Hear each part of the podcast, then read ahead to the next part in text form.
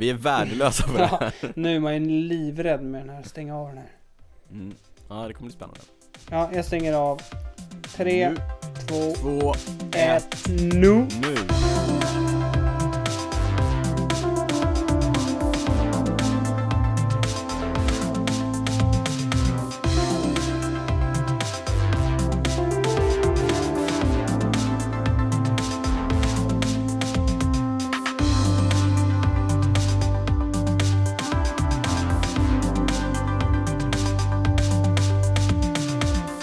Sällan förr har det väl känts så lämpligt att säga varmt välkomna till Cykelwebben-podden Den här gången det 46 avsnittet och eh, anledningen till att jag säger varmt välkomna är ju att det är fruktansvärt varmt i Stockholm just nu Niklas Hasslum, hur är det på Gotland? Det är varmt, det är som du brukar säga för varmt. Eh, jag tror att det är drygt 30 grader. Mm. Väldigt, väldigt Ja, varmt. Det där var, väldigt, det där var inte gotländska Ja. i och för sig. Vi är inte så bra på dialekter någon av oss Eller jag är ganska bra på Du är dialekter bra det på här är ju inte, ja. eh, göteborgska. Ja, det, tack. Eh, Jag som är bra på göteborgska är Daniel Rytz och jag sitter här i Cykelwebben-podden-studion Medans Niklas Hasslum, du är på Gotland som sagt Och därför så ber vi er lyssnare att eventuellt ha överseende med eventuella ljudmissar och klippmissar vad vi nu kan Det är ändå lite grann av ett konststycke att spela in podd så här på distans, Mm. eller hur Niklas? Men det brukar gå bra. Det, det är Ja, också, det har gått bra Ja, det är hittills. snabba kast också. Förra gången körde vi utomhus ihop. Ja, Och nu, vi testar nya Ja. grejer hela tiden det här har vi i och för sig testat förut. Ja, det har vi. Det Eh. Det brukar funka. Så vi hoppas att det Ja. funkar den här gången också. Ta i trä. Det är avsnitt 46, vi måste alltid eh, relatera det till eh, Viktor Kampenarts och hans 55 hela kilometer som han körde när han tog timvärldsrekordet på velodrom. Nu är vi bara nio efter, vi knappar in med stormsteg. Ja, Ja, och jag tänkte på det idag. Vi närmar Mm. oss eh, tvåårsjubileum. det gör vi Sakta men faktiskt. Vi säkert. närmar oss eh, precis fylla jämnt, 50 och så vidare. Vi får se vad vi hittar på. Mm. Det, vi har ju stora planer i pipen Ja, men det har vi sagt i 46 avsnitt. Stora planer på Ja, G. men jag tycker vi växer organiskt och vi tar det lugnt och vi, men jag, ty- ja, det, jag tycker ändå att det mm, vi sköter oss hyfsat Ja, ändå. absolut. Eh, hur mår du Daniel? Det var ett tag sedan vi Ja, sågs. men jag- Senast på Ja. eh, soldäcket i Hållnäs. Exakt, två veckor ganska exakt va? Mm, det var det va? Ja, jo, det Ja. var det. Eh, ja men vad bra, har varit en sväng på västkusten, cyklat lite i mina hemtrakter, varit i Båstad, tittat på, med skräckblandad förtjusning, tittat på SM-backen som jag har eh, så att säga eh, got the better of me två år i Du rad har varit där och kollat Eh, på den bara? Jag åkte bil upp för den Jaha, okej. Ja, jag var, jag var där och hälsade på lite Ja. vänner i nu i sommar. Sen har jag varit i Falkenberg, jag har varit i eh, Borås, varit i Göteborg en kort sväng. Borås, Sandared har jag Mm. varit i, vi ska vara specifika här. Mm. Cyklat ganska mycket, Ja, jag har sett det. håller Du, igång ganska hur bra. många, vad hade hur många, eller nu är det söndag. Vad Hur många Ja. träningstimmar har du den här veckan? 14 tror jag bara. Bara? Ja, men förra veckan hade jag typ 22 tror jag. Stabilt. Ska kolla? Ska kolla? Vad Själv då? Men du kör, du kör på bra? Eh, ja, det tycker jag. Varvar fortfarande Ja. cykel, eh, cykel och Löpning. löpning. Ja, vaden håller. peppar, peppar. Tur, Men tur, jag var orolig. ja, jag, jag varit lite orolig. Eh, men det verkar, Mm. verkar hålla. Jag kör ju prehab. Ja, just det. Eh, och det verkar funka. Det. Eh, en rolig Ja. grej. För Ja. oss, inte så mycket för lyssnarna. Jag såg att båda vi har kört en 20 milsrunda. Ja, vad håller vi på med? Vi håller på att bli någon form av så här randonörgubbar Ja, va? du eh, körde ett legendariskt dubbelpass eller? Eller skarv... Alltså, Skarv, jag, så här, jag gav mig ut och körde en solrunda till eh, Vaxholm Mm.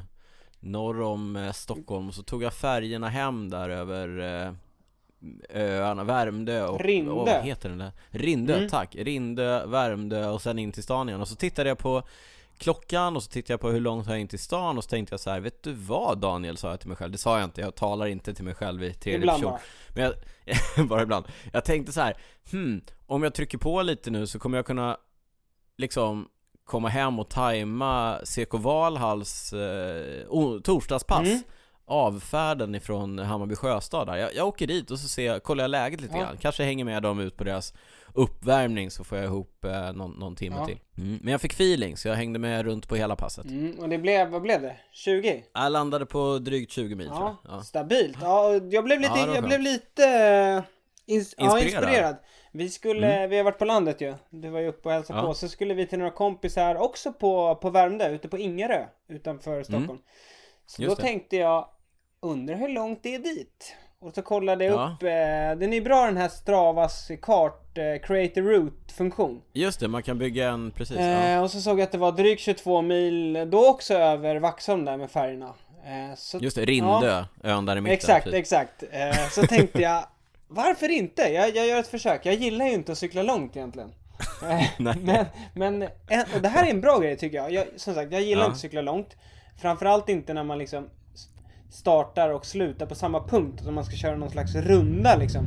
Därför är det rätt Nej, bra att köra då från punkt A till punkt B. Eh, Då har man inte så mycket Känner att man är på ja, väg och man har någonstans. inte så mycket val. Det Nej. är svårt att vända på vägen. Eller det är inte så svårt, men Ja. det blir inte så kul.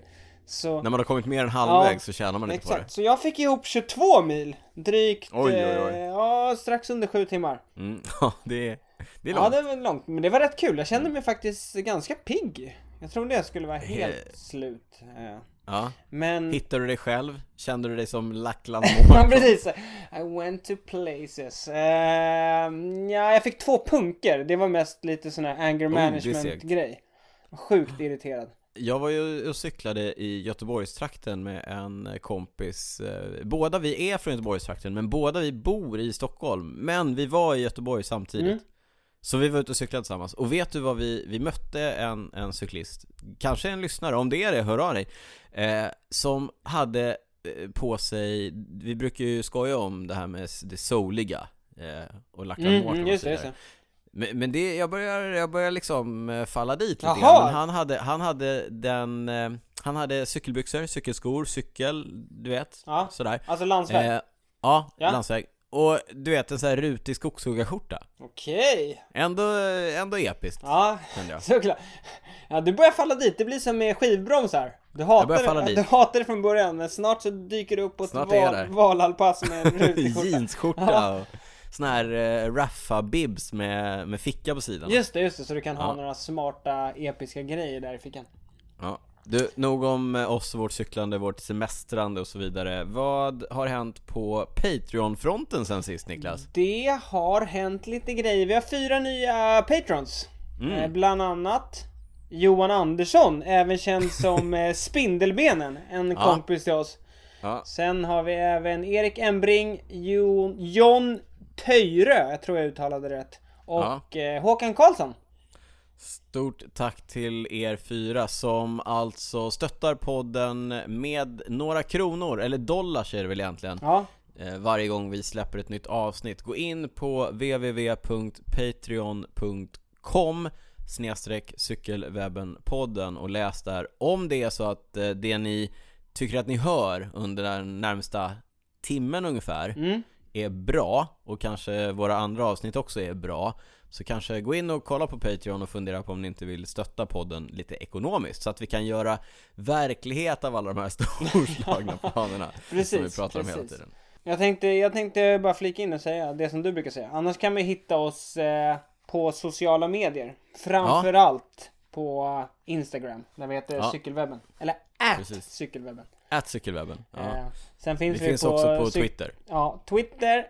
Ja, eller jag finns på Twitter under Ja. Cycling Nico. Du finns Just på det. Instagram under drytz. Det är väl Precis. egentligen de kanalerna vi använder. Plus då cykelwebben.se och eh, vår mail info at cykelwebben.se. Ja, och dit får vi faktiskt en hel del mejl. Det tycker vi är jätteroligt. En del saker plockar vi in här i podden, en del svarar vi faktiskt på direkt i mail. Har ni hört något så konstigt? Mm. Eh, Men du Niklas, eh, ska vi ta och kasta oss in i vad som har hänt i den stora cykelvärlden där ute sen eh, sist? Ja, det, det stora som händer kan man ju ändå säga. Det är ju Mm. touren. I alla fall för Ja. oss, vi som är landsvägsfanatiker. Ja, vi får Eh. erkänna att vi kanske har en liten bias jag, tror, gäller- jag tror faktiskt inte någon har missat det som lyssnar på podden. undgått det. Nej. Ändå, jag tycker ändå att vi, vi är ganska bra på att snacka Vi mountainbike. försöker, vi Mm. försöker. Ja. Eh, Men innan vi går in på touren som eh, faktiskt avslutas ikväll. Mm. Så... De jag- håller väl på medan vi spelar in, Ja, men de har inte precis, de- gått i målen. De drar igång etappen till Champs-Élysées i Paris. Mm. Men, men vi satt ju här och snackade. Jag sitter i en, eh, en liten bod här. En cykelbod på Gotland. Eh, Mm. Och, och innan jag skulle dra igång här så, så gjorde jag en sista scrollning. Och då såg jag att eh, vår vän Mathieu van der Poel har varit i farten igen. MVDP, Mm. jaha vad har han gjort, vad har han gjort nu då? Ja, nu har han vunnit eh, mountainbike-EM. Klart han har. Ja, så jag tänkte Ja. det, det var värt att ta upp. Så det var hans eh, comeback så att säga, hans ärkerival eh, Wout van Aert. Han har ju kört eh, Tour de France, vi kommer Mm. återkomma till det när vi pratar touren. Men han tog ju, jag, jag går händelserna, händelserna i förväg här. Han vann ju en etapp. Ja, och han körde Och ju- ruskigt bra. Ja, Mattias kan ju inte bara låta det hända. Nej, precis. Så, ja, det är lite så. De, mm. de liksom ska slå tillbaka när den andra gör något bra. Hold my Replik. beer.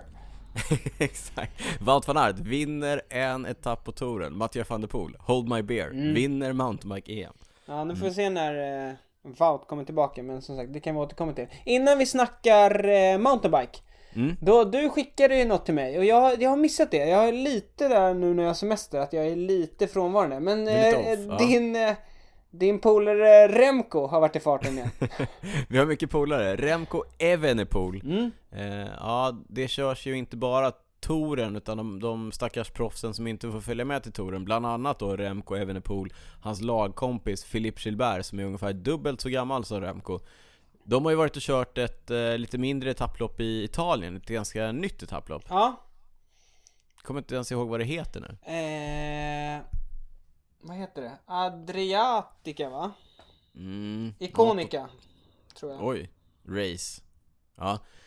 Hur som helst, man kan eh, konstatera att eh, Quickstep-stallet, det kan de dominerade rätt stort. Första etappen tror jag de tog en trippelseger. Ja, jag såg det, spurten. Mm. Såg eh, Spurten. rätt kul ut.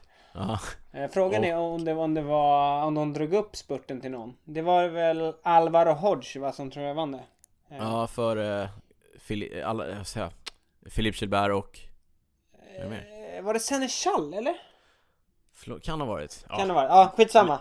det Trippel! skulle- Det är mäktigt. Trippel, ja det är sjukt. Etta, tvåa, trea. Det, men, men det sjuka var ju också att eh, dagen efter tror jag det var, eller två dagar efter, Remco Evenepoel, den här 19-åriga supertalangen, eh, går loss solo. Och det är inte första gången han har gjort det i år. Det gjorde han ju också på eh, Belgien runt va?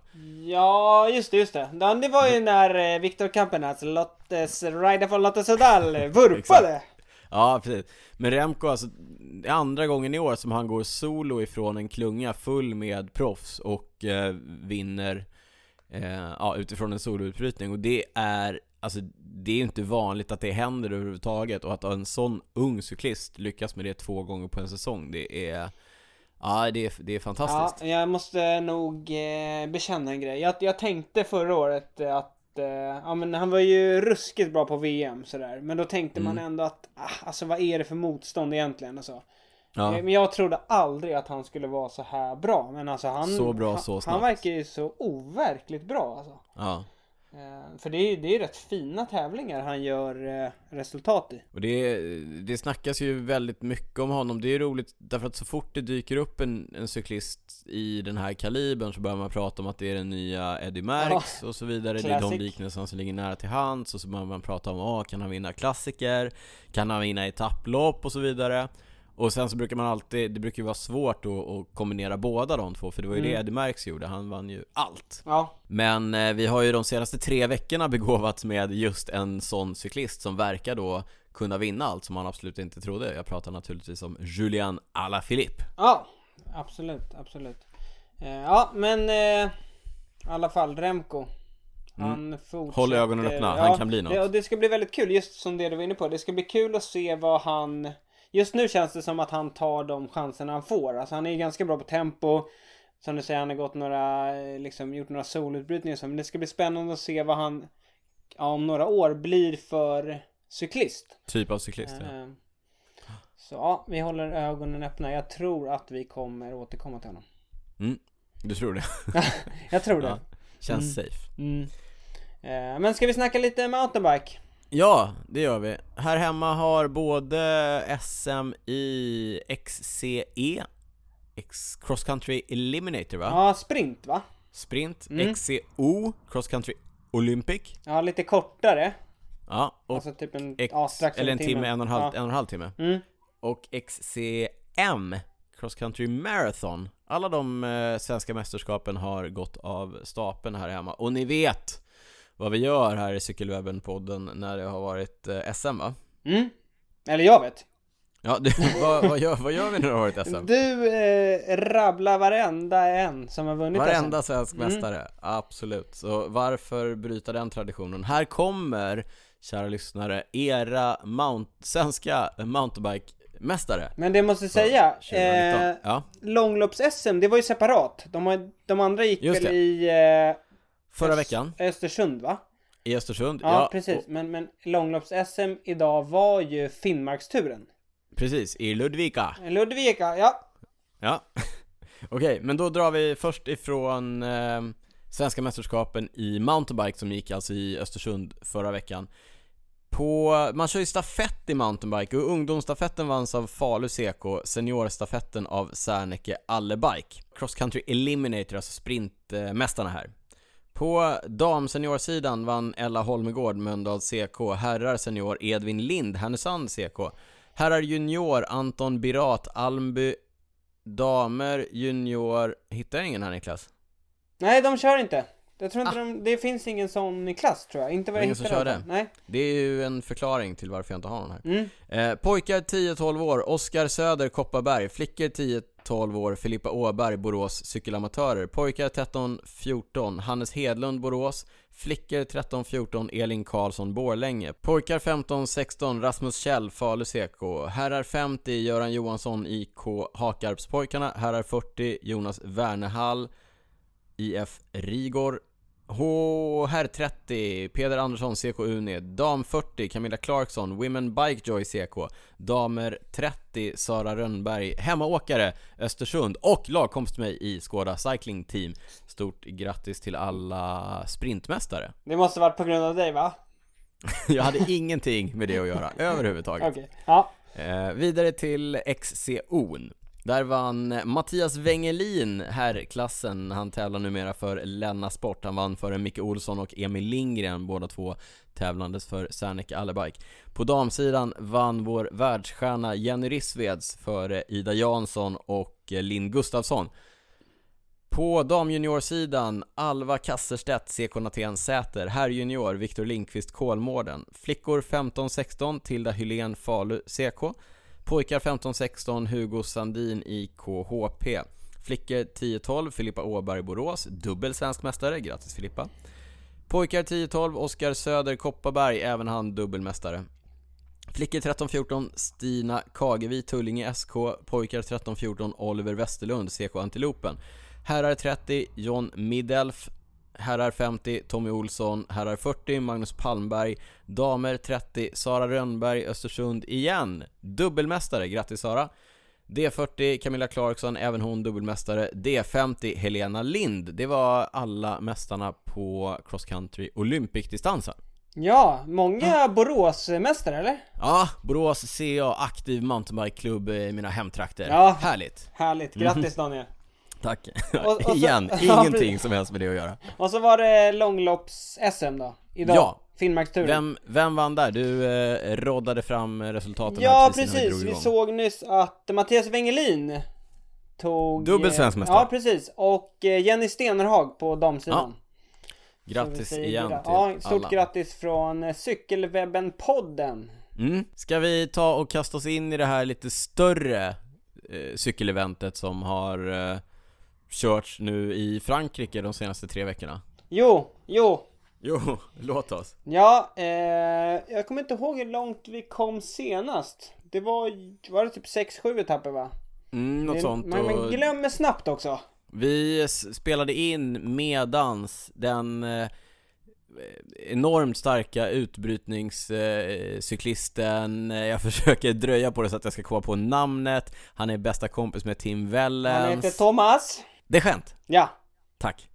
Thomas de Gent vann etappen medan vi satt och spelade in senast Det har ju gått nästan två veckor, det har ju gått exakt två veckor sedan dess Mm. Och det har hänt en hel del under de två veckorna Men vi kan ju börja med att säga att eh, Thomas de Gent är ju en, vilken cyklist alltså. mm.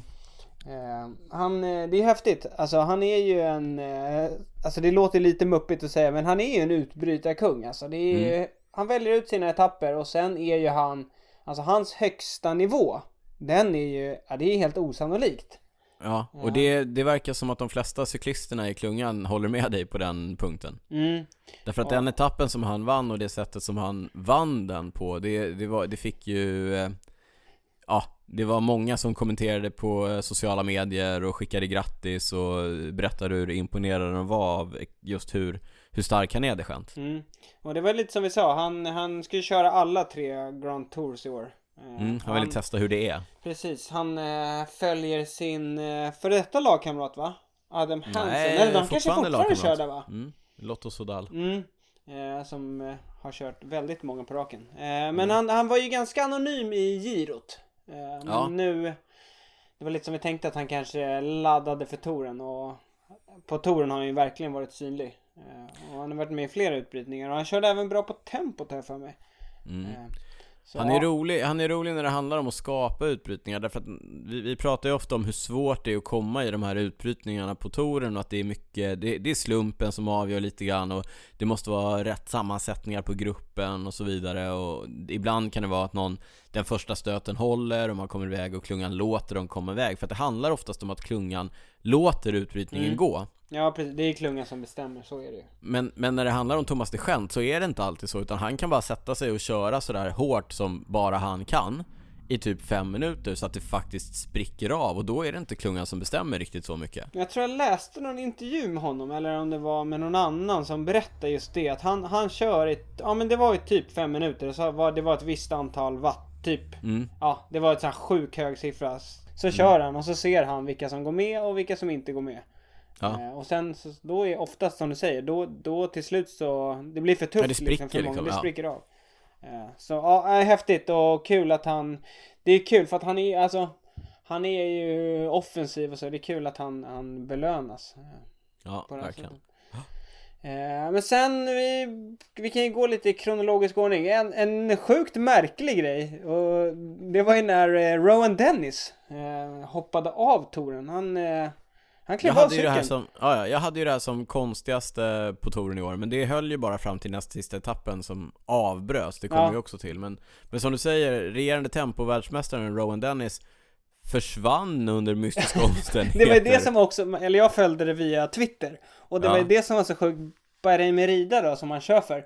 De skrev ju något, någon ganska märklig tweet att Ja men liksom... typ såhär, vi vet inte var han är Nej, och det viktigaste är typ eh, våra cyklisters hälsa och vi kommer inte Ja. kommentera något, eh, ja, tills vi vet vad han är och så här. Ja, men sen visade det sig att han hade klivit av i, eh, vid langnings, första langningssträckan. Och, där, Ja. och det märkliga här, han är ju regerande tempovärldsmästare och det här var ju dagen innan den, Det Torens enda, enda tempoetapp. tempolopp.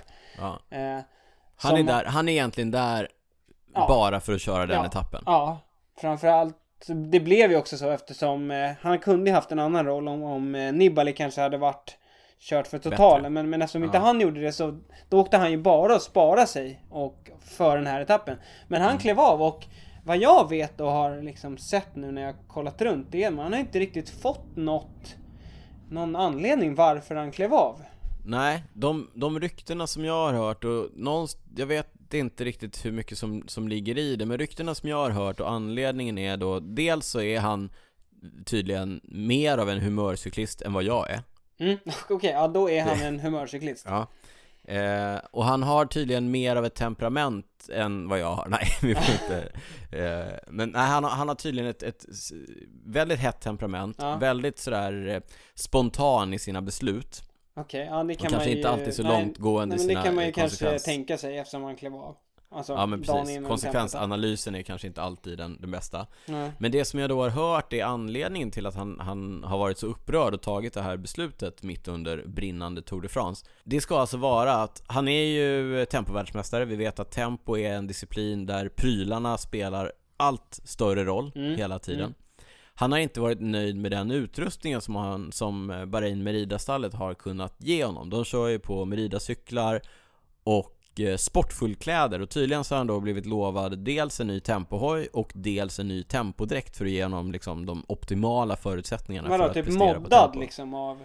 Eller någon Nej men special? jag tror Special då, eh, Ja. just tempodräkten att den ska vara snabbare för att Mm. tempo, tempodräkter är ju material och skärning och sådär spelar väldigt Ja. stor roll för eh, aerodynamiken Och då har han inte varit nöjd med den han har haft och han var inte nöjd med, med cykeln och så vidare så att det har varit ganska mycket spänningar i, i, i laget då Mm. eh, för att han inte har varit nöjd med utrustningen och det verkar då till slut ha utmynnat till att han då inte kände att han kunde prestera på den nivån han, eh, han känner sig kapabel till annars Nej. och då bestämmer han sig helt enkelt för att kliva av Ingenting av det här är bekräftat, så det, det, men det är de ryktena som jag har hört Att det, det faktiskt är prylrelaterat kan man Ja. väl säga Ja, det var ju, men ändå väldigt märkligt att, eh, alltså jag tänker ändå att han förmodligen också har byggt en stor del av sin liksom säsong, Säsong kring. Mm. kring touren och just den här tempotappen. Han förmodligen varit där och rekat den och sådär. Eh, nu kanske det ändå hade visat sig att den hade varit för tuff när man såg på vilka som faktiskt var Presterade, i, ja. i topp på den och så. Men ändå väldigt märkligt. Det, det sägs att de, han hade ju bråkat med teambilen eller haft någon slags diskussion precis innan och sen hade han bara stannat då och sen. Ja, nej, men jag vet också att någonting dagen innan han klev av så försökte, så försökte han gå med i utbrytningen och då hade de tydligen uppmanat honom ifrån teambilen att inte göra det för att spara sig för Ja, tempoetappen Mm. och Ja, det, uppenbart inte en fantastisk relation mellan eh, Roman Dennis och eh, teamet Vi, Ja, Det blir nej. spännande att se om han blir kvar eller om han ens får ett nytt kontrakt till nästa år Ja, ja verkligen. Det ska bli otroligt spännande och som sagt han, han har inte alls presterat på den nivån som man gjorde förra året. Han har, jag tror Nej. att han, har- han har en temposeger i år. Han vann tempot i Schweiz runt va? Ja, Mm. eh, men så ja, det var eh, märkligt. Eh, Förmodligen kommer vi få lite mer info framöver. Mm. Ska vi gå vidare då? Vad, Ja. annat, som, annat, som, annat spännande? Ja, men jag har skrivit här Mästartröjan ger det vingar och det är ingen gratis reklam för något eh, dryckesmärke. Men, Men, vilken mästartröja? Jag tänker jag att du tänk- tänker på ledartröjan ja, kanske? jag tänker på den gula ledartröjan. Mm. Eh, och det, det var lite kul. Vi, eh, jag tror vi skrev på Instagram om, om kommer, kommer alla Filipp eh, var det upp för Tourmalet? Kommer han sitta Ja med då? kommer han sitta med för Tourmalet som var den första långa klättringen Mm, precis, i, och i där blev han väl tvåa va? Bakom Ja, Pinot. helt sjukt Eh, ja. Och det var ju, alltså Julian Alaphilippe är ju en, en, han är en fantastisk cyklist men, men ingen hade väl kunnat förutspå hur länge han faktiskt skulle hålla ut och på det sättet han gjorde. Det var ju som när vi poddade senast när vi snackade om hans attack där när han vann, eh, han var ju en sol och så. Så att alltså, han har ju varit framme och dragit åt Elia Viviani och alltså han har ju bränt så sjukt mycket energi och Mm. varit långt fram på alla etapper och sen tog han gult och sen har han ju försvarat den på ett helt osannolikt sätt. Eh, Ja, bättre än, som du säger, bättre än någon hade kunnat ana. En, ja, och sen, men sen då till slut så med, med två etapper kvar så börjar det Ja. knaka lite grann i fogarna va? Ja, precis. Men, men grejen var ju jag tror att vi, du och jag pratade om det någon gång. Eh, att eh, det var hans brorsa som, jag, vad jag förstår är hans tränare också. Eller någon, ja, ungefär så. Nej, jag vet inte, hans brorsa är också proffs, han kör i... Eh, Ja men just det, jag tror han har sin kusin som tränare men ja. hans brorsa är ju ganska insatt också men Men Julian Alaphilippe är ju en cyklist som gillar lite kortare backar och så och Det var ju många som tänkte att det är de, det är de längre backarna som kommer ge honom problem så därför blev man ju Otroligt förvånad när han När han satte med och kom två Alltså kom tvåa på Tourmalet-etappen Eh, Hans bror, det hans bror hade sagt var så här, jo, jo men det, min brorsa är sån, han kan klattra i 40 minuter men sen, sen klappar han igenom Ja precis, precis. Men det han visade var ju att han, han klarade det och längre klättringar och om och om igen på Mm. ett sätt som, ja, jag är sjukt imponerad Ja. Sen, sen var lite det som vi var inne på att Alltså han var ju han var ju så långt fram liksom. Han syntes ju väldigt tidigt i touren och ja, dels då var med drog upp Viviani och han den där soletappen som han vann och så. Så att han man, det var ju det man misstänkte liksom att eh, de stora favoriterna hade ju om man säger sparat sig lite för, för liksom de bergen Ja. och framförallt Alperna då. Och att man misstänkte att liksom det kan bli för tufft för honom att Men det där har ju försvara varit en, det har ju varit en sån sanning de senaste åren att du vinner inte touren på att vara aggressiv utan, eller offensiv, du vinner touren på att spara, spara, spara, Mm. spara och då när man ser alla Filip vara just offensiv och köra en, en aktiv cykelåkning den första veckan så tänker man att det där kommer aldrig hålla. Nej. Eh, Men en annan sak som, som jag, det är inte så många som har, har liksom pratat om det. Som du sa, han vann ju en etapp solo, etapp tre kanske, fyra? Ja det var i I- början, första veckan. i början Mm. och, och fick då eh, någon minut och, och lite bonussekunder på eh, resten av de stora favoriterna. Och den, den bufferten som han byggde upp där, den har han ju levt på ganska länge också. Hade han gått in i touren som en av konkurrenterna för totalsegern, då hade han ju aldrig fått det utrymmet Nej. på den etappen. Nej, verkligen inte. Och det måste man också tänka på, och, och lite grann så har han ju satt sig i den sitsen nu att nu, nu kommer han inte kunna göra det igen. Han kommer inte kunna vinna etapper på det sättet igen därför att han kommer vara markerad på ett helt annat sätt framöver. Ja, ja. Och sen ska det sägas, det, det som också gjorde det rätt häftigt det var ju att, att eh, alltså The König Quickstep då som man kör för det, det är ju ett lag som inte alls är sammansatt för att åka dit och försöka vinna den gula ledartröjan utan de var ju där för att ta etappsegrar Dels med alla Filipp, Dels med Viviani och sen kanske då någon någon försöker gå in lite i utbrytningar och så. Och sen hade de ju då Enrik Mas som skulle vara deras första åkare men som Ja, han hade det ju ganska Inte ens, tungt. ja nej men det, det lustiga med Enrik Mass här är ju att, och så är ju, så är ju läget för honom i alla de här etapploppen för han är ju deras enda tre veckors specialist. Mm. Han, han åker ju dit i princip ensam varje gång. Ja, och ja titta precis. på de, har någon, av- de har någon till med sig liksom. Som är Ja, lite nej men så här, halv- resten av halv- laget jagar etapper och Enrik Mass försöker sitta med i topp 10 så gott han kan. Nej men eh, och så, alltså, det ska man säga, alltså vilket jobb ändå De König gjorde för att försvara den där tröjan. Det var ju mäktigt att se. Dels då eh, Kasper Askren som man såg i, han låg ju och bombade i tät. Ja, bra jag, jag vet inte hur ja. många etapper han låg i tät och bara drog och sen så plötsligt var han ju med i någon utbrytning någon dag. Och sen Mm. dagen efter tillbaka i tät. Men sen Elia Viviani var ju fram och drog i bergen och så här så att Eh, ja, dels säger det lite om vad, vad De König hade för lag men också häftigt hur, hur, liksom, hur mycket de faktiskt försökte försvara den, den gula ledartröjan åt eh, alla Filip. Jag tycker det, det, precis som du säger här i början om att eh, den gula ledartröjan ger en vingar och laget och allting runt omkring, alla lyfter ju sig ett snäpp. Mm. Vi såg ju, vi såg ju Elia Viviani som du säger, deras storspurtare, av- han är ju en världsstjärna när det handlar om spurter, ligger och drar i bergen samtidigt som vi ser eh, Flera gånger tror jag att han har varit kvar längre och legat och dragit för alla Filip än vad Kwiatkowski i Ineos har, Mm. Ja. har gjort. Han har åkt av innan liksom. Ja, Eh, och det visar ju på, på liksom moral och laganda utöver det vanliga. mm. ja, nej men det var häftigt. Eh, det var ju lite sådär... Uh, man, ja, man såg att han, som du säger, jag kommer inte ihåg vilken etapp det var, men han släppte ju någon gång. Man såg att det var på väg. Han körde ju kapp ut för det. Vilken etapp var det? Det var typ etapp nummer 17 eller så. Han blev avhängig Ja. upp för Det var väl Galibier va? Eh, Och då misstänkte man att ah, det, det här blir nog väldigt tufft med, med tre etapper kvar i Alperna och försöka behålla den här. Men men eh, ja, det kändes ändå lite trist för att Alaphilippe är en jäkligt rolig cyklist. Alltså det är kul att se på honom som vi sa. Han kör ju väldigt offensivt så. Så att ja. Det var trist att han ändå blev av med den fast ja, det var ju oundvikligt. Mm. Eh, sen har jag skrivit eh, Thibaut Pinot. Än en gång så faller han igenom. Ja, ett av de stora franska hoppen bredvid Romain Bardet. Romain Bardet försvann ganska tidigt och sen så hängde vi upp allting på alla Philippe och eh, Thibaut Pinot.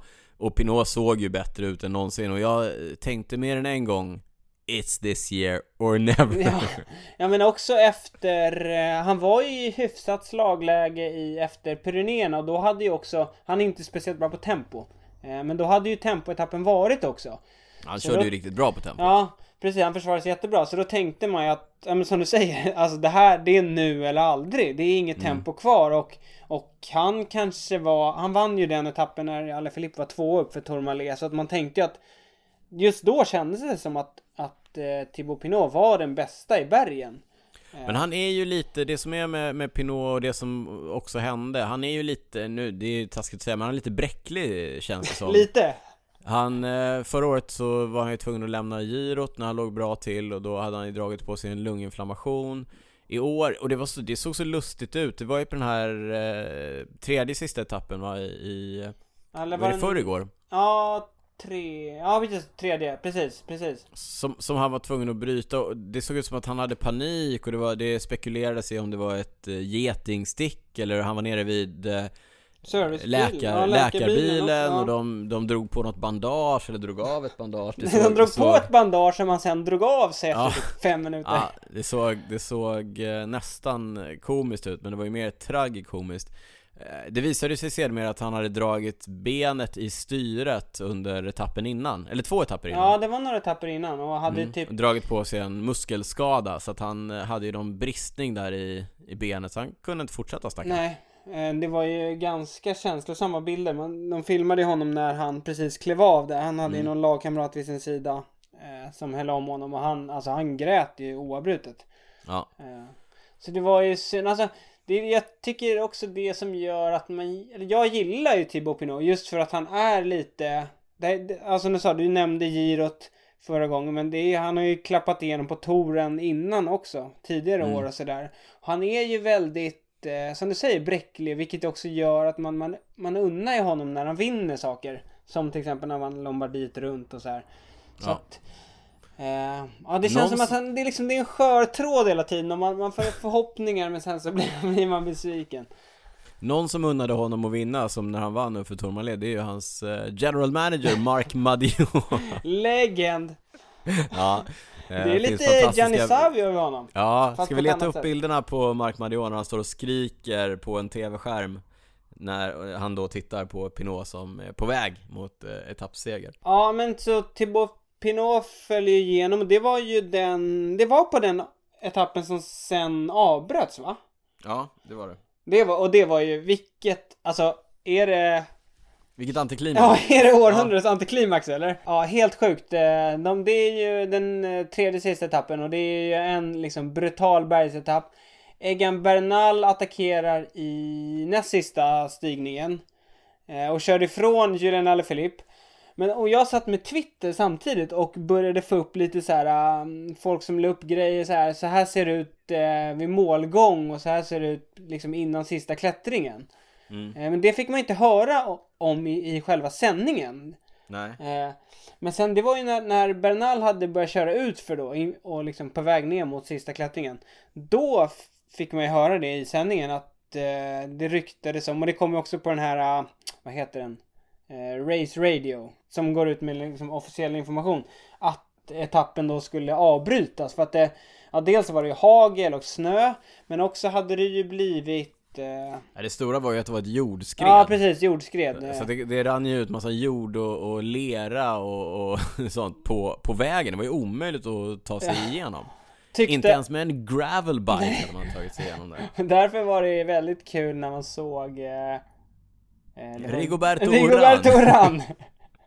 alltså, ja, Rigoberto det är Urán cyklisterna, cyklisterna i det läget har ju minst information av alla och de, de kör ju ut för i ett okej väder Och då när någon eh, official i en bil kommer och säger tävlingen är avbruten, vi stannar här Vem ska man lita på i det Nej. läget och vad, liksom, vad bygger den här informationen på? Så att, nej, precis. Det Urán- var många som blev irriterade, eller man såg att de gestikulerade ganska vilt. ja, Oran och Nibali hade någon, eh, någon beef där och Ja. ja, ja, Eh, svårt att... Men, men det som hände då, då är det att de, de liksom, förkort, liksom kortade ner etappen och, och då flyttade målgången till toppen på den näst sista stigningen då. Ja fast inte riktigt, jag måste in här nej precis, de, nej, nej det de, blev ingen officiell vinnare till slut. Nej, på Utan de etappen tog, eh, vad säger man, de tog tiden på, på toppen av den näst sista klättringen. Ja, Och ja, alltså utifrån hur det blev så tycker jag nog att det, det alltså vad skulle man annars gjort?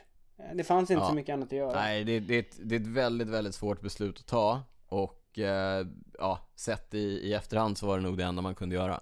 Mm. Sen var det lite, alltså, eh, ja, det, det blir alltid så här att några tänker, eller så liksom resonemanget förs fram att så här, ja men om det hade varit sista klättringen då kanske hade jag kört hårdare och sådär. Men det är lika för alla så att, ja, jag, jag tycker nog att det, det var faktiskt det bästa beslutet. Men du, på tal om den etappen, vi måste prata om lite, det här är ju det alla pratar om, vi måste prata om lite annat också. Den etappen skulle ju vara 20 mil och den började med en, med en tredje kategoris klättring och den var, den var ju stenhård. Det var Mm. ju tre gånger över 2000 meter tror jag de skulle upp under Ja. dagen. Vi, de, tv-sändningen eh, startade ju i samband, liksom direkt, vi följde ju hela etappen. Mm. Och följde man hela etappen så kunde man efter två kilometer se att Alex Dowsett och vem var det mer i? Det var eh, Marco Haller va? Eller var det det? Ja, någon, en av hans lagkompisar i alla fall i, eh, i Katusha-stallet Hade det tufft? Efter två kilometer på den här 20 mil långa etappen Så släpper de alltså och då vet man att eh, här är det två killar som har en ganska lång dag fram Jens de Buscher tror jag det var Ja okej, ja det kanske var. Ja, hur som helst Här är Man två ju- killar som har en lång dag framför Man fick ju också se dem eh, vid något spurtpris sen när de låg och körde partempo. ja. De är som De vi, de gillar partempo. De ligger och kör par och du vet, har den här karavanen bakom sig med ambulans och med den här eh? Kvastbilen. också. Kvastbil Ja, eh, ja, Ja, det är en tuff dag. Men, men Dowsett hävdade efteråt i alla fall att även om etappen inte hade blivit avkortad hade vi klarat maxtiden. Vi hade järnkoll på den. mm ja de, det, och det ska sägas ju. De är ju de cyklisterna som ofta hamnar i grupp 1, det vill säga det bildas ju en klunga Ja, av de som släpper. De har ju väldigt bra koll. de De, får ju på rutin på, De liksom... är bra på matte. Ja precis, de, Ja. och maxtiden det brukar ju vara en procent på vinnartiden. Ja, jag tror att vinnartiden plus 25% Ja eller sånt där. exakt. Eh, eh, Men, men ja det såg väldigt roligt ut när de låg och bombade partempo och var så här Mm. 10 minuter efter. Ja, nu har, vi, nu har vi pratat lite runt, vi har pratat lite strunt. Det var ju en av de mer spännande tourerna vi har sett på flera år, men det är lite grann som man brukar säga om fotboll va? 90 minuter, sen vinner Tyskland. Sen vinner Ineos. Team Ineos. Mm. Eh, Sjuk, sjuk grej, jag läste en, en tweet som, som eh, liksom sammanfattar det ganska bra. De kom till start utan sin största stjärna, Chris Ja, Froome. det här De- skulle jag säga. Jaha, ja, förlåt. Ja, ja. De kom till start med fjolårsvinnaren som har priskraschat ur eh, Schweiz, Schweiz runt, Geraint Thomas. Mm. Eh, deras hjälpryttare var, ja, det var väldigt länge sedan eh, Ineos inte dominerade touren. Liksom. Mm. Eller så, de, det var länge sedan de var så här bleka. Kwiatkowski, Ja, exakt. Wout Poels, Gianni Moscon. Ja. Ändå så slutar det med att Egan Bernal vinner touren och eh, Geraint Thomas, Thomas är är två. tvåa. Ja. Ja. Ja, Helt sjukt, sjukt. sjukt. eh, Helt sjukt. Ja, eh, och... Ja, men det var precis, det var ju exakt det jag skulle säga. Deras största hopp för touren försvinner ett par veckor innan i en krasch. Och efter tre veckor är de etta och tvåa. Mm. Och jo, det ska sägas också. Sen blev ju Luke Rowe utkastad. Tillsammans med Tony Martin. Ja, De hade haft någon egen liten beef där på någon etapp. ja. Mm. Eh, Men, men, eh, ja. Ineos fortsätter dominera. Nu har de vunnit, vad blir det? Sju, sex av sju de sju senaste åren, eller vad blir det? Ja, Det är väl bara? Nibali som har vann vunnit- 20. Froome har vunnit fyra, Thomas har vunnit en och Bernal har vunnit en, så ja. Ja, Sex av sju. Nibali har vunnit en där i mitten. ja precis. Eh, och när man ser Egan Bernal så tänker man ju, eller i alla fall jag, att eh, det kanske blir några till segrar här framöver. Ja, men, men jag, jag, liksom dagarna som ledde upp till slutet nu, då har jag känt så här, de har ju sett bleka ut och det jag har tänkt mycket på att det är många stall som åker hem från den här touren utan mycket i bagaget. Mm. Och hade det varit så att Sky faktiskt inte tog hem det här de sista två dagarna, då hade de varit ett av de stallen därför att de har ingen etappseger, Nej. de har ingen, ja Bernal hade haft ungdomströjan också, men de har ingenting annat egentligen att eh, ha med sig hem om det är så att de inte hade vunnit. Nej, nej de har ju... Alltså det, det är väl egentligen den grejen. Om man jämför med de tidigare tourerna när Froome har vunnit, eh, Grant Thomas vann och när Wiggins vann. Då har ju, då har det liksom alla bergsetapper, då har det ju bara varit Sky som har suttit i, liksom i tät och kört hårt och en efter en har droppat av. Mm. Eh, och sen har liksom deras kaptener då tagit, ja men i alla fall en, två etappsegrar. Men, Ja. men i år, alltså som du sa, vi var inne på det tidigare, Kwiatkowski, han flög ju av tidigare än Viviani. Ja, Eh, Gianni Moscon har man blek. knappt sett liksom. Det är ju, och Wout Poels har ju sett ganska så blek ut faktiskt. När, när en cyklist kommer, det pratade vi om förra gången när jag, när jag sa att jag blev förvånad över att Dylan van Barle var uttagen och var så vad ska han göra där? Nu visar det sig att Dylan van Barle har varit typ den mest värdefulla Ja. hjälpryttaren i bergen för, för Otroligt Ineos. eh, stabil genom hela Mm. touren. Men, eh, men och- och det, jag tycker det har väl liksom egentligen det kanske har gjort att det här, för det här var faktiskt tycker jag en av de roligare tourerna på länge. Ja, Eh, verkligen. Det har varit väldigt öppet och det, förmodligen är det mycket på grund av att Ineos inte alls har varit så starka som de starka. brukar och dominerat och liksom kontrollerat. Mm. Eh, Men ja, en grej också. Jag, jag tänker att det, blir, det är ganska många utbrytningar som håller undan och jag tänker det, det är nog förmodligen på, på grund av det här med att man har dragit ner på storleken på lagen liksom. Det är, nu är det bara åtta cyklister. Det är, svår, och det är svårare att kontrollera. Ja, det är, Mm. alltså just att, ja men som vi har sett liksom, när, när ett lag inte får hjälp och ska försöka kontrollera en utbrytning, alltså det är tufft med, med, med bara åtta cyklister och försöka kontrollera. Ja, Eh, vi konstaterar att eh, Bernal vinner, vi konstaterar att... eh, Han var yngst in- för övrigt va? Ja, yngsta att, på eh, länge. Ja men han var I också yngst i touren. Jaha, det var han. Ja, det eh, var han. efter att Mm. Jasper Philipsen bröt. Just det. Eh, Men eh, det tror vi, det är vi nog överens om va? Det är hans eh, första, Colombians, eller Colombias första eh, Tourseger men förmodligen inte deras, eller Bernals sista. Eh, Nej. Men vi, vi kan ta, vi kan nu när vi ändå är inne på honom, vi fick en lyssnarfråga. Eh, Mm. Om vem som är Ineos kapten på touren 2020. Och det Ja, är faktiskt en svår, väldigt alltså. rolig fråga. Jag såg att det var någon intervju nu med Geraint Thomas där han sa att han trodde att han kunde vinna en tour till. Ja. Bernal är en supertalang och ja, har ju nu visat att han kan vinna. Och Chris Froome, det kommer ganska lite uppgifter om eh, hur det går med hans rehab Hur och han så. mår, Men ja. han, det känns ju som att han kommer göra ett sista försök och bli, Absolut.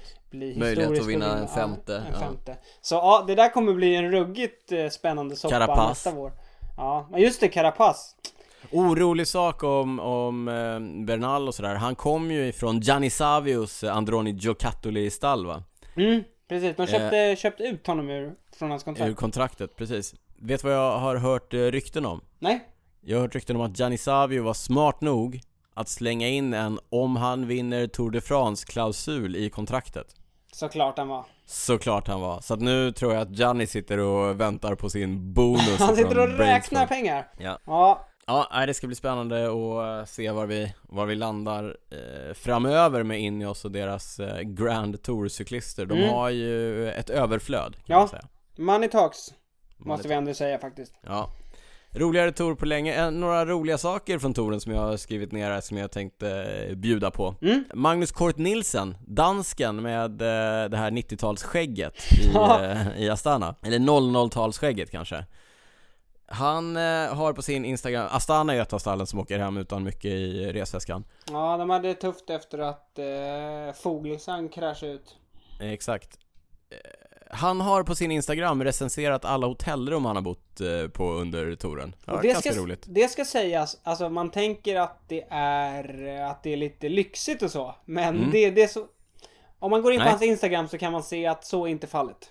Nej, vi eh, kollar på cykelwebben.se, där lägger vi upp lite av hans eh, inlägg där. Mm.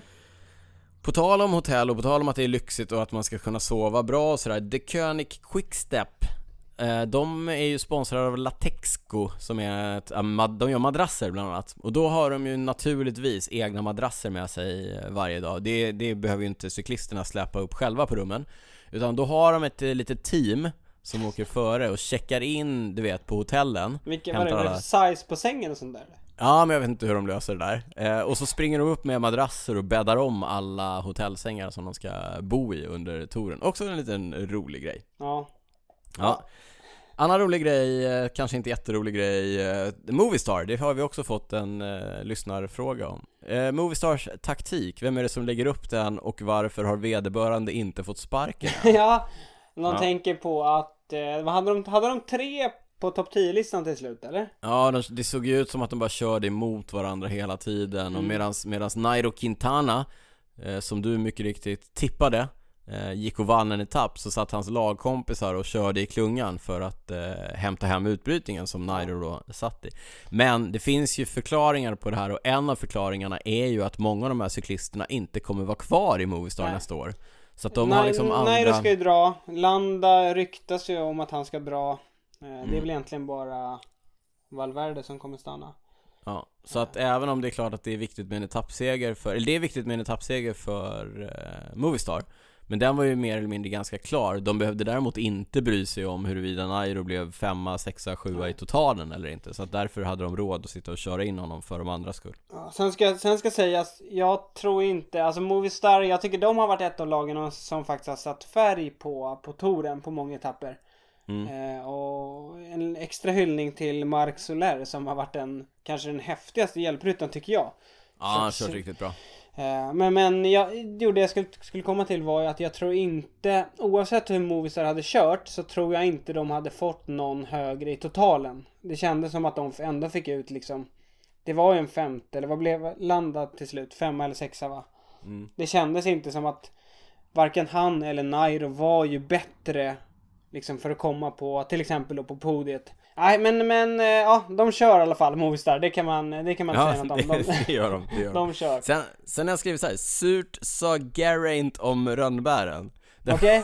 jag, har, jag har i flera intervjuer hört eh, Geraint Thomas då, fjolårsseglaren, seglaren, segraren, Mm. och som nu blev eh, tvåa i år Säga att eh, ja, jag hade ruggigt bra ben, eh, jag hade velat attackera men jag kunde inte för att eh, Egan var i ett, i ett annat läge och du vet jag ville inte köra med alla Filipp på hjul och så här. Nej. Och det verkar tyvärr då för, för G att han bara hade riktigt, riktigt bra ben när han hade dåliga lägen och inte kunde göra någonting av dem. Det, alltså hans tour var ju, alltså som, som Otroligt anonym, otroligt Ja, dels anonym. vurpade han ju två gånger första veckan. Och han har haft världens sämsta vinter, han har haft världens sämsta uppladdning inför touren. Och sen går ju han och i den han vis, var upp för La Planche de Belfi när han Ja. var eh, två Han var ju bäst av- ja, bäst bäst av, av favoriterna. eh, ja, så då exakt. tänkte man så här: wow, liksom. Ja, Han kommer ju förmodligen ta hem det här igen. Men sen så bara föll han igenom och, och som ja du säger. ganska blek. Det var jätte, han körde rätt märkligt och det var, det var någon etapp när jag tyckte att han Bernal var loss och han skulle försöka brygga i kapp men drog med sig alla favoriterna. Ja, exakt. För han liksom kunde inte köra ifrån dem och istället slutade det med att ja, de nästan kom ikapp Bernal. Så att, nej, jag tyckte jag tyckte man, det sken lite igenom att han var väldigt sugen på, på att vinna själv. Ja, liksom. exakt. Och det, jag menar hur mycket de än säger att det viktigaste är att laget vinner, vi kör för den som har bäst chans och så vidare. Det är klart att Geraint Thomas ville vinna en tour till. Ja, och han... Ja, det, jag tror att han också kände att han hade lite mandat att liksom tänja på gränserna just när det kom till liksom vad som är okej när man har en, en, en cyklist framför.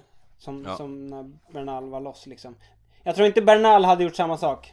Så det kan jag nog säga. Nej, nej det håller jag med om. Han vet sin plats, den eh, Ja. 22-åriga colombianen. Och Ja. nu är hans plats högst upp på pallen på eh, Tour de France. Ja. Vi sitter och tar ut det i förskott här lite grann, därför att de har ju ännu inte gått i mål i Paris när vi spelar in. Vi spelar in här på söndag eftermiddag.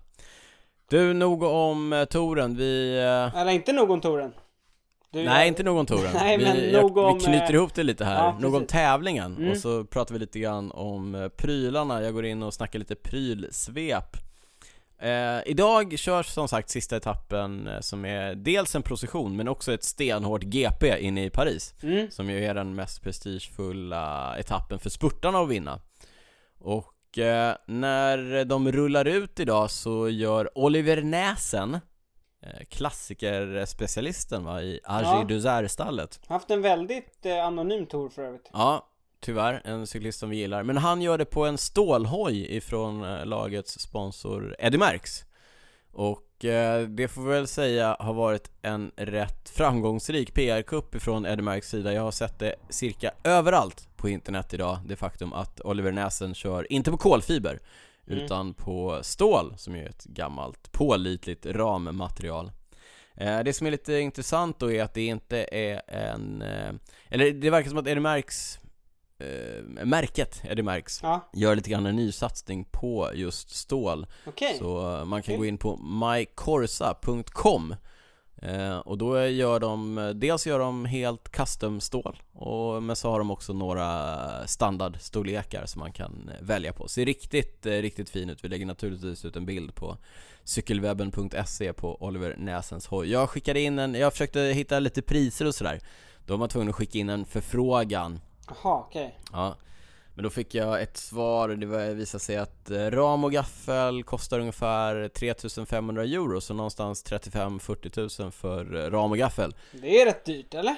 Det är ganska dyrt eh, Men om man, alltså om man tittar på custom Det finns Ja, ju det mycket sant, det custom stålbyggare i Mm. världen och det, det är ungefär det, det det kostar Men Ja Det är ju ett Nej men det, det är klart, det är ett spännande material även om det är kanske att i ren prestanda går lite grann bakåt så är det ändå fina cyklar Den stora frågan är nu som du sa, nu, nu går ju etappen när vi sitter och spelar in där. Men Ja. kommer vi få se en soloattack av Oliver Nasen på för att Champs-Élysées? visa upp sin eh, stål ja, ja, det hade varit Inte mäktigt. omöjligt, inte omöjligt. En liten parentes här, stål är ju, det är ett gammalt material, det är lite tyngre, det är, om- som jag sa, man går kanske tillbaka lite grann i prestanda. It's not about the bike som man brukar säga, du vet vår lagkompis Gustav Deijert, han Mm. som vann H40 SM i Båstad, det där backa SM som eh, För andra året i rad. för andra året i rad som jag inte gillar. I år gjorde han det på en Stålhoj. stålhoj, ja. Inte från Eddie Merckx dock. Nej. Så eh, det går väldigt bra att cykla fort även på stålcyklar. Det kommer Oliver Nasen visa idag. Vi får se. På tal om andra material än aluminium, Cannondale har precis släppt en ny version av sin legendariska CAD-ram. CAD var ju deras eh, linje av just aluminiumcyklar som eh, de, ja, eh, Cipollini har kört på bland annat. De, de sponsrade ju eh, Saeco Cannondale-stallet bland annat eh, med eh, aluminiumhojar förr i tiden och just CAD ramarna har levt kvar i några generationer. Den senaste generationen är alltså CAD 13 som eh, släpptes i förra veckan och den ser väldigt mycket ut som den eh, Super 6 som vi pratade om i Ja, förra de avsnittet släppte av rätt podden. nyligen va? Innan touren. Ja, eh, ja precis Ja. innan touren. Så att eh, slopad geometri, eh, sänkta sadelstag, semi-aeroform eh, Lite grann som allt annat där ute Ja. Men alltså byggt i aluminium Någonstans runt eh, 20 000 tror jag de börjar eh, komplett cykel med eh, typ Shimano 105 Ja. Mm. Ser eh, naturligtvis spännande ut Jag är ju ett stort fan av de gamla CAD-hojarna Sitter ju inne på eh, två stycken gamla CAD-tior Såklart du gör! Såklart, ja. Ingen är förvånad. Nej, två eh, CAD 10 men den här är alltså då uppdaterad två generationer nyare Mm. Kanske dags att testa något nytt här, vi får se Annars var det väldigt mycket på skofronten kändes det som i, i touren Vi såg, eh, den har jag pratat om innan, Bontrager har släppt en ny version av sin Triple X-sko, deras Just eh, det, just det. toppmodell. Den dök upp officiellt nu under touren. Eh, även Mavic, det franska hjul och skomärket, de eh, släppte också en ny version av sin eh, toppversion Komet. Den har ju tidigare varit i sån här helgjuten kolfiber men nu verkar det vara eh, lite annat. Påminner lite grann om de här nya superlätta Specialized-skorna som vi har eh, pratat om. En annan, men, men den stora skogrejen under touren har ju varit såna här eh, custom-målade skor med lite motiv och sådär. Ja. Började för, för några år sedan. En rolig detalj där är ju att George Bennett, Nya Zeeländaren i Jumbo-Visma, Mm. Ja, ja, jag vet vem det är. duktig, du känner till honom? Ja, jag känner till Ja. honom. Han är rätt, fri, rätt frispråkig. Ja, frispråkig, Mm. duktig klättrare, inte så duktig eh, kantvindsåkare. Inte så, nej det var... Den dog. Ja, nej det, vi, vi tar en annan gång. Det tar vi en annan gång. Eh, hans eh, tjej, hans flickvän, hans eh, livspartner och så vidare Mm. är konstnär och eh, har eh, gjort skor åt eh, George då med såna här snygga fina motiv på. Eh, det är andra i klungan som har snappat upp det här och tyckt att eh, det där ser ju nice ut, jag vill också ha ett par. Så nu har han gjort en hel business av det Okej. och säljer skor till eh, alla, eller alla, Men andra. gör, alltså gör hon skorna också eller kör hon bara finish touchen? Nej, bara finishing Ja. touches. Och nu Mm. tror jag inte ens att hon målar dem för hand längre utan nu gör hon designen och så eh, målas det någon annanstans. Men bland annat Michael Matthews kör med dojor som är målade Jaha, av ja henne. okej. Ja, för jag såg ett par skor som Mm. dök upp där. Mm. Som var lite eh, målade. Så, ja men det ja. förklarar saken. Mm. Ska se om jag kan hitta en länk till hennes business där hon Mm. eh, säljer eh, custom-målade dojor. Eh, någon som inte har, nej jag får inte till någon övergång här. Eh, gravel. Vi, nu pratade vi inte om det, men jag såg att det har gått något riktigt episkt eh, gravel-race på Island. Jaha. Ja, Ja, det kan jag Rift. tänka mig. Det känns, eh, det känns lite ruffa, episkt. Det kan man eh, säga. sådär. 20 mil, 2000 höjdmeter och tydligen helt sjukt stökigt underlag. Jag har läst lite eh, race reports på, Ja. eh, på olika. Eh, Ted King satt med i tätgruppen. Alltså, han kör nu. Han, han satsar på... Han kör. Ja, Mm. han Ted är- King satt med i tätgruppen. Eh, Christian Meyer satt med i tätgruppen, du vet gamla proffset som Ja, banåkaren och Mitchelton. Nej, Mitchelton Scott. Ja, men han, precis. ja, mm. Och eh, Ingvar Å- Ömundsson tror han heter, isländsk legend. Han eh, har varit isländsk mästare typ 19 gånger tror jag, i olika grenar. ja. Eh, Islands enda cykelproffs. Jag har faktiskt stött på honom nere i eh, Kalpe Ja. eh, ett par gånger där han bor delvis tror jag. Mm.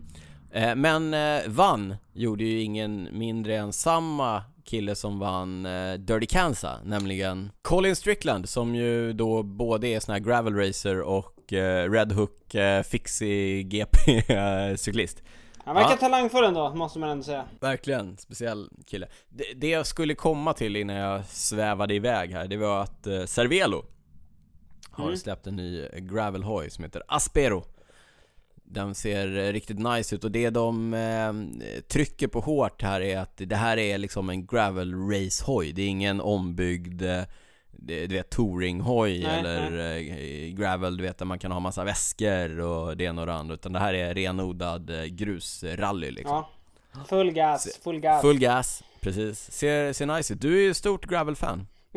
Ja, nu var det för sig ett tag sedan jag körde men ja, jag tycker det, det är rätt kul. Mm. Eh, det är lite som med mountainbike, man, man får ju en annan fartkänsla när man kör i skogen. Eller liksom Ja. på grusvägar. Det känns som att det går snabbare än vad det gör. När vi avslutar här, kan jag Mm. avslöja för dig och våra lyssnare, så kommer jag sticka ut och köra en gravelrunda. Va? Har inte du kört idag redan? Jo men bara en kort en. Och Okej. kanske ta med badkläder och hoppa i en sjö för det är så varmt. Dubbelpass. Ja, nåväl. Det kommer inte vara på en... Ja, exakt. Det kommer inte vara på en Aspero ifrån Cervelo däremot. Nej. Du, på tal om dubbelpass, du eh, kläm in ett snabbt eh, träningstips här kanske? Ja, Vad- ja! ja. Eh, och det här, det blir lite, eh, vad är det du brukar säga? Repetition är kunskapens moder. Mhm. För eh, jag var tvungen att gå tillbaka. Jag tror att det var i eh, typ vårt tionde avsnitt. Då tog jag upp ett eh, träningstips som var intervaller när man kör över under. Ja, just det. Men nu har det gått 35 avsnitt till. Så då tänkte jag, då, då kanske det är dags att repetera här. Ja, Men, men Ja. eh, jag var ute och körde här på landet. Då körde jag eh, 15 minuters intervall. Så, och då kör jag två minuter strax under tröskel. Och sen Mm. körde jag en minut över tröskel. Ja, Eh, och så kör jag så fem gånger. Så sammanlagt blir det då 15 minuter. just det. Fem gånger tre. Fem gånger tre.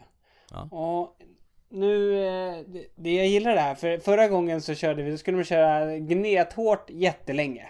Ja, Men nu kommer vi in här, nu ska man köra lite kortare och lite hårdare. Så ja. att jag, jag, jag gillar ändå, vi får med alla olika träningsfilosofier i podden. precis det.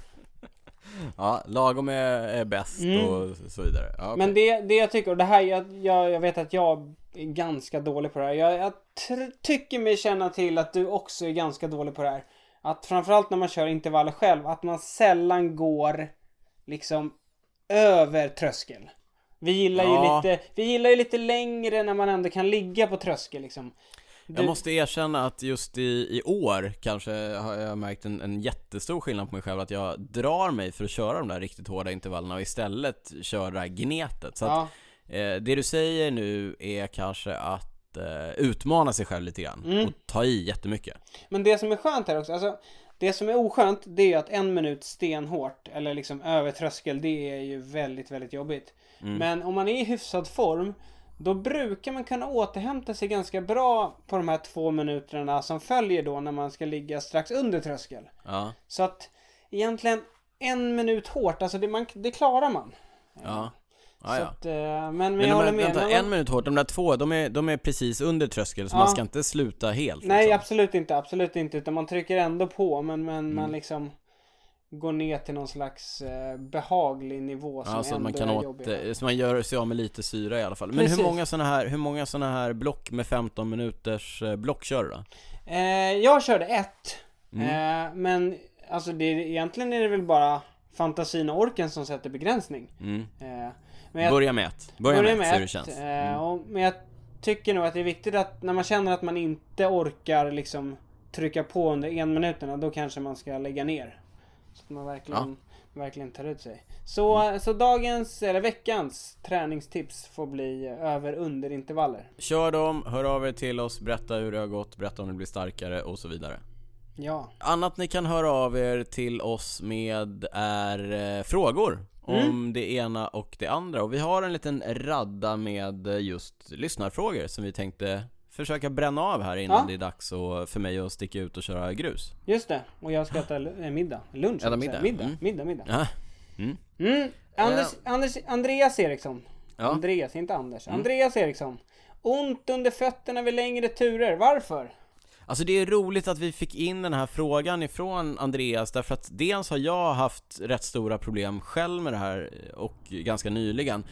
Dels det första eh, vår eh, kompis Daniel sa till mig idag när vi träffades för vi skulle ut och köra distans var Alltså, brukar du få ont under fötterna när du kör ibland? Vadå? Alltså, on, vad menar ni med ont under Nej men vänta, fötterna? vänta, vänta, vänta, vänta, vänta, vänta, vänta, vänta.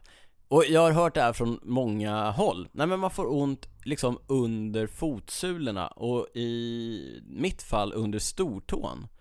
Eh, Okej, som framme det, det, under foten. Ja, under foten Ja. så här. Det, det är som att det bränner nästan och det är lite krampaktigt och det är, det är svårt att veta var det, var det kommer ifrån. Ja. Och jag har sett mycket teorier här på internet, på olika forum och så vidare, folk som, som tänker sig det, det ena eller, eller det andra. Mm. Men för mig, för mig det här med min tå, för det har jag också hört många som har problem med stortån. Det handlar i, med största sannolikhet om att jag inte har tillräckligt mycket hålfotsstöd i mina cykelskor. Okej. Eh, Därför att då, då faller liksom fotvalvet eh, ihop lite grann och så sträcks, det går en, en stor och tjock sena liksom genom hela Ja, foten som fäster vid stortån. Och då när den har fått vara mer utsträckt än vad den vill vara i eh, sitt naturliga läge Mm. under en längre tid, då, då får man ju ont liksom. Och då eh, visar det sig genom att det drar i stortån där den fäster längst fram då. Mm. Så att eh, i mitt fall så har jag avhjälpt det nu dels med eh, innersulor med lite mer stöd i fotvalvet och dels har jag faktiskt eh, tejpat lite gammal hederlig idrottstejp ett varv runt eh, hålfoten för att se om det hjälper till att hålla upp valvet och det funkar ganska bra. Okej. Mm. Eh, Jag har andra aldrig, saker... aldrig hört talas om någon som haft det här problemet. Är det så? Ja. Nej, och jag har hört ganska många. Men, Okej, ja. men, men en annan sak som brukar vara en bov i dramat, och det har ju också att göra med att det är så här varmt, det är att fötterna svullnar ganska mycket i eh, värme Just det. och sväller upp och då tar de lite mer plats i cykelskorna än vanligt och det kan också göra ganska ont. Mm. Sen tror jag faktiskt att det är många där ute som åker omkring med lite för små cykelskor. Jag gjorde det i många år kan jag säga. Eh, innan jag insåg att man behöver inte ha dem riktigt sådär tajta utan man kan faktiskt gå upp en halv Ja. storlek eller till och med en storlek och då får man lite mer utrymme och då riskerar man inte alls att få samma problem med, med fötterna. Men det första jag skulle titta på är nog faktiskt att se till att man har en innersula som, eh, ja, som ger det stöd man behöver för foten. Sen kan man naturligtvis börja liksom eh, trixa med var klossen sitter, om den sitter för långt bak, för långt fram, för långt åt sidan och så vidare. Men, men det första jag skulle börja med är faktiskt att titta på innersulorna. Testa med Och- en annan. Ja, och får man inte, eller till och med formgjutna, eh, erbjuds på eh, vissa cykelbutiker. Är det så att man inte får plats med en annan innersula, då vågar jag påstå att skorna är för små. Ja, det var det. Bra. Du verkar Tack. vara insatt i ämnet så att jag har ja, jag inget har övrigt att funderat tillägga. mycket på det här. Ja. Sen fick vi en fråga ifrån vår nya Patreon, eh, Spindelbenen, Johan. Han undrar varför kör in i oss med omärkta lightweight-hjul och då skulle jag vilja referera Johan till avsnitt 45 av Cykelwebben-podden där detta ämne avhandlas i eh, detalj. Undrar om han inte har lyssnat. Han kanske bara blev Patreon utan att lyssna på ett enda avsnitt. Men nu får han valuta för Ja. pengarna och kan gå tillbaka till avsnitt 45 Det är sant, det är sant. Mm. Eh, vilken är bästa träningen för att öka krafterna i pedalerna? Intervaller, styrka, undrar signaturen Brettark. Ja Eh, Det är svårt att säga, det är ju alltid allt, det är bara att, ja, jag men, jag, men om eh, jag tycker att jag ändå har hyfsad eh, kraft i pedalerna. Jag Mm. kör ju ingen styrketräning. Jag vet inte om han menade styrketräning med styrka. Eh, men, Nej, men- Eh, kör intervaller. Olika Kör- typer av ja. intervaller. Det där är en, det där är en sån klassisk fråga, öka effekten, det, öka effekten handlar ju om att bli bättre på att cykla Mm. eh, Visst, man kan ha bra flås men kanske lite dåligt eh, tryck i benen Men ju mer man cyklar så de där två närmar ju sig hela tiden varandra eh, ju mer man cyklar kan man säga att- Precis. L- lyssna på podden, följ träningstipsen så kommer kraften i pedalerna öka. Ja, eh, vem satsar in just på? Den har vi snackat om. eh, Från Ja. Mikael Samuelsson. Vilken Ja. colombian vinner Weltan undrar Magnus Alexandersson. Alexandersson Ja, det är en bra fråga. Har du några bra tips? Du är bättre på att tippa jag än vad tror jag inte är. det blir någon colombian. Nej, vem tror du på då? Simon Yates? Ja, men han har ju kört, ska han köra alla torer i år? Nej, verkar konstigt. Kanske Tom Dumoulin kommer tillbaka? Mm, det vill vi se. Eller Han är ju Primoz, inte din gamla polare Primoz Roglic? Ja, ja, men jag kan inte, jag ser ingen eh, colombian framför mig riktigt här. Superman. Superman Lopez kanske? Ja. Ja, det blir, Ja. vi får återkomma till det. Vi återkommer till det när vi Mm. närmar oss. Eh, en fråga från A. Eliasson. När de värmer upp inför tempolopp så har de ofta något i näsborrarna. Vad är det och varför? Ja, den här frågan, det var flera som hörde av sig efter, det var ju när Mattias Räck tog över vår Instagram va? Just det. Så, så Mm. filmade han när Trek satt och värmde upp inför, det var lagtempot tror jag. Mm. Mm. Eh, då satt ju många av cyklisterna med sådana här tussar i näsborrarna. Och ja, jag tror det, jag är inte säker. Eh, Mm. Men jag har läst förut, jag vet att när Wiggins körde, då, då körde han, han körde någon slags, han doppar i någon mint eh, Ja men det är eukalyptus- linementaktigt liksom Ja för precis. så här Vicks. Har ni, Ja. när man, ja. Flytande. Ja, liksom. Och sen stoppar de upp den och då för att det liksom ska ge någon slags renande känsla i eh, liksom, luftrören öppna, upp, öppna upp bihålorna Ja. och näsborrarna för att få fri, fri andning, vilket jag tycker är lite lustigt därför att Helt ärligt, andas du någonsin genom näsan när du kör tempo? Nej, då kör du för sakta. Ja, då kör du för sakta. Du ska ha Wout van Aert eh, eller Tony Martin i munnen Mm. när du Exakt. kör eh, tempo Ja, men det är, Den är helt öppen, det alltså. är väl anledningen om inte du har hört något annat. Nej, det är samma som jag har hört Eh, Men, eh, ja. Det är, väl, det är väl som med alla sådana här grejer. Det är väl liksom känslan. Om de, de tänker att det kanske hjälper 1% att det blir lite öppnare luftvägar. Så. Då gillar de Ja. väl att köra så. Eh, sista frågan för den här gången. Vilken Mm. intervall är bäst att läsa watt? Växlar själv mellan 3 och 5 sekunder undrar Pontus Söderman. Jag är inte helt med på frågan. Jag kan förklara frågan för dig. Det är ju nämligen så att när man har en wattmätare så kopplar man ju den till sin cykeldator och då visar cykeldatorn hur många watt man kör, eller hur? Ja, ja du menar eh, om man kör average. Ja, alltså exakt. senaste. Och då, Ja, precis, och då kan man, då kan man alltså på, Just det, ja, på sin cykeldator välja och se, vill jag se snittet de senaste tre sekunderna eller fem eller tio eller Mm. ännu mer? Ja. Och anledningen till det är ju att även om man sitter och tycker att man kör jämna watttal, att man tycker att man tar i lika mycket, så hoppar effekten väldigt, väldigt mycket Mm. och det är så knepigt att se. Och det där är ju superpersonligt. Själv är jag så old school att jag kör en sekund, alltså jag kör det kortaste Jaha, intervallet okej. man kan ha, så att man ser eh, mitt i. Mm. Jag kommer ihåg när, på den tiden, men det var länge sedan, när jag satt Ja. och körde med vattenmätare. Då körde Ja. jag nog 10 sekunder. Oj! Mm. Ja, nej, 10 sekunder. Jag går ju mest på eh, känsla. Du lever i nuet Daniel. Ja, och lever i nuet. Mm. Ja, nej men så jag, jag vill ha eh, Jag vill ha det som är, helt enkelt. Ja. Jag brukar, ja. Eh, Det som är här och nu brukar jag titta på. Sen om man vill eh, ha lite längre så, så dra upp den på 3 eller 5 för att få en, en jämnare kurva. Men Mm. för mig kan det bli lite sådär missvisande tycker jag. Jag är så van att titta på det där. Jag är ju allt, när jag, när jag, det var länge sedan, när jag började köra effektmätare. Då fanns det ju inte att välja på. Nej. Då fick man ta det som, eh, det som fanns. Och Ja, då du kan det... inte ändra nu. Och jag, nej gud, jag är Nej. en så gammal Nej, hund så att nej jag vet att du inte kan ändra det. Nej. Eh, Ja, men då är jag med, då är jag med och det känns som ett bra svar här. Mm. Två olika. Det är skönt att han kör tre eller fem sekunder och vi kör, du kör en, jag körde tio. Ja, precis. Någonstans mittemellan. Mm. Det, är, det är ju naturligtvis per- personligt. Jag brukar försöka hitta en eh, känsla ungefär där jag vill ligga och så stämmer jag av det ungefär med vad jag ser på, eh, på effektmätaren. Ja. Mm. Ja, det var nog eh, det hela när Det det, handlar det. om lyssnarfrågor. Vi, nu pratar vi inte alls om Wout van Aert och hans eh, untimely sorti från eh, touren när han körde in i ett kravallstaket under tempoloppet. Vi pratar inte heller om hans eh, etappseger när han vann en klungspurt i touren. Det får vi helt enkelt ta en annan gång. ja. Men om eh, vi kanske pratar om det på vår eh, Instagram och den hittar ni på att eh, cykelwebben. Det kanske dyker upp någonting på Twitter om det och då, hittar det, då finns det också under cykelwebben. Niklas kanske har twittrat om det under cycling Nico. Eh, Jag tror inte att jag har lagt ut någon story på Instagram, men kolla för säkerhets skull under snabela d rytz om det, om det finns någonting där.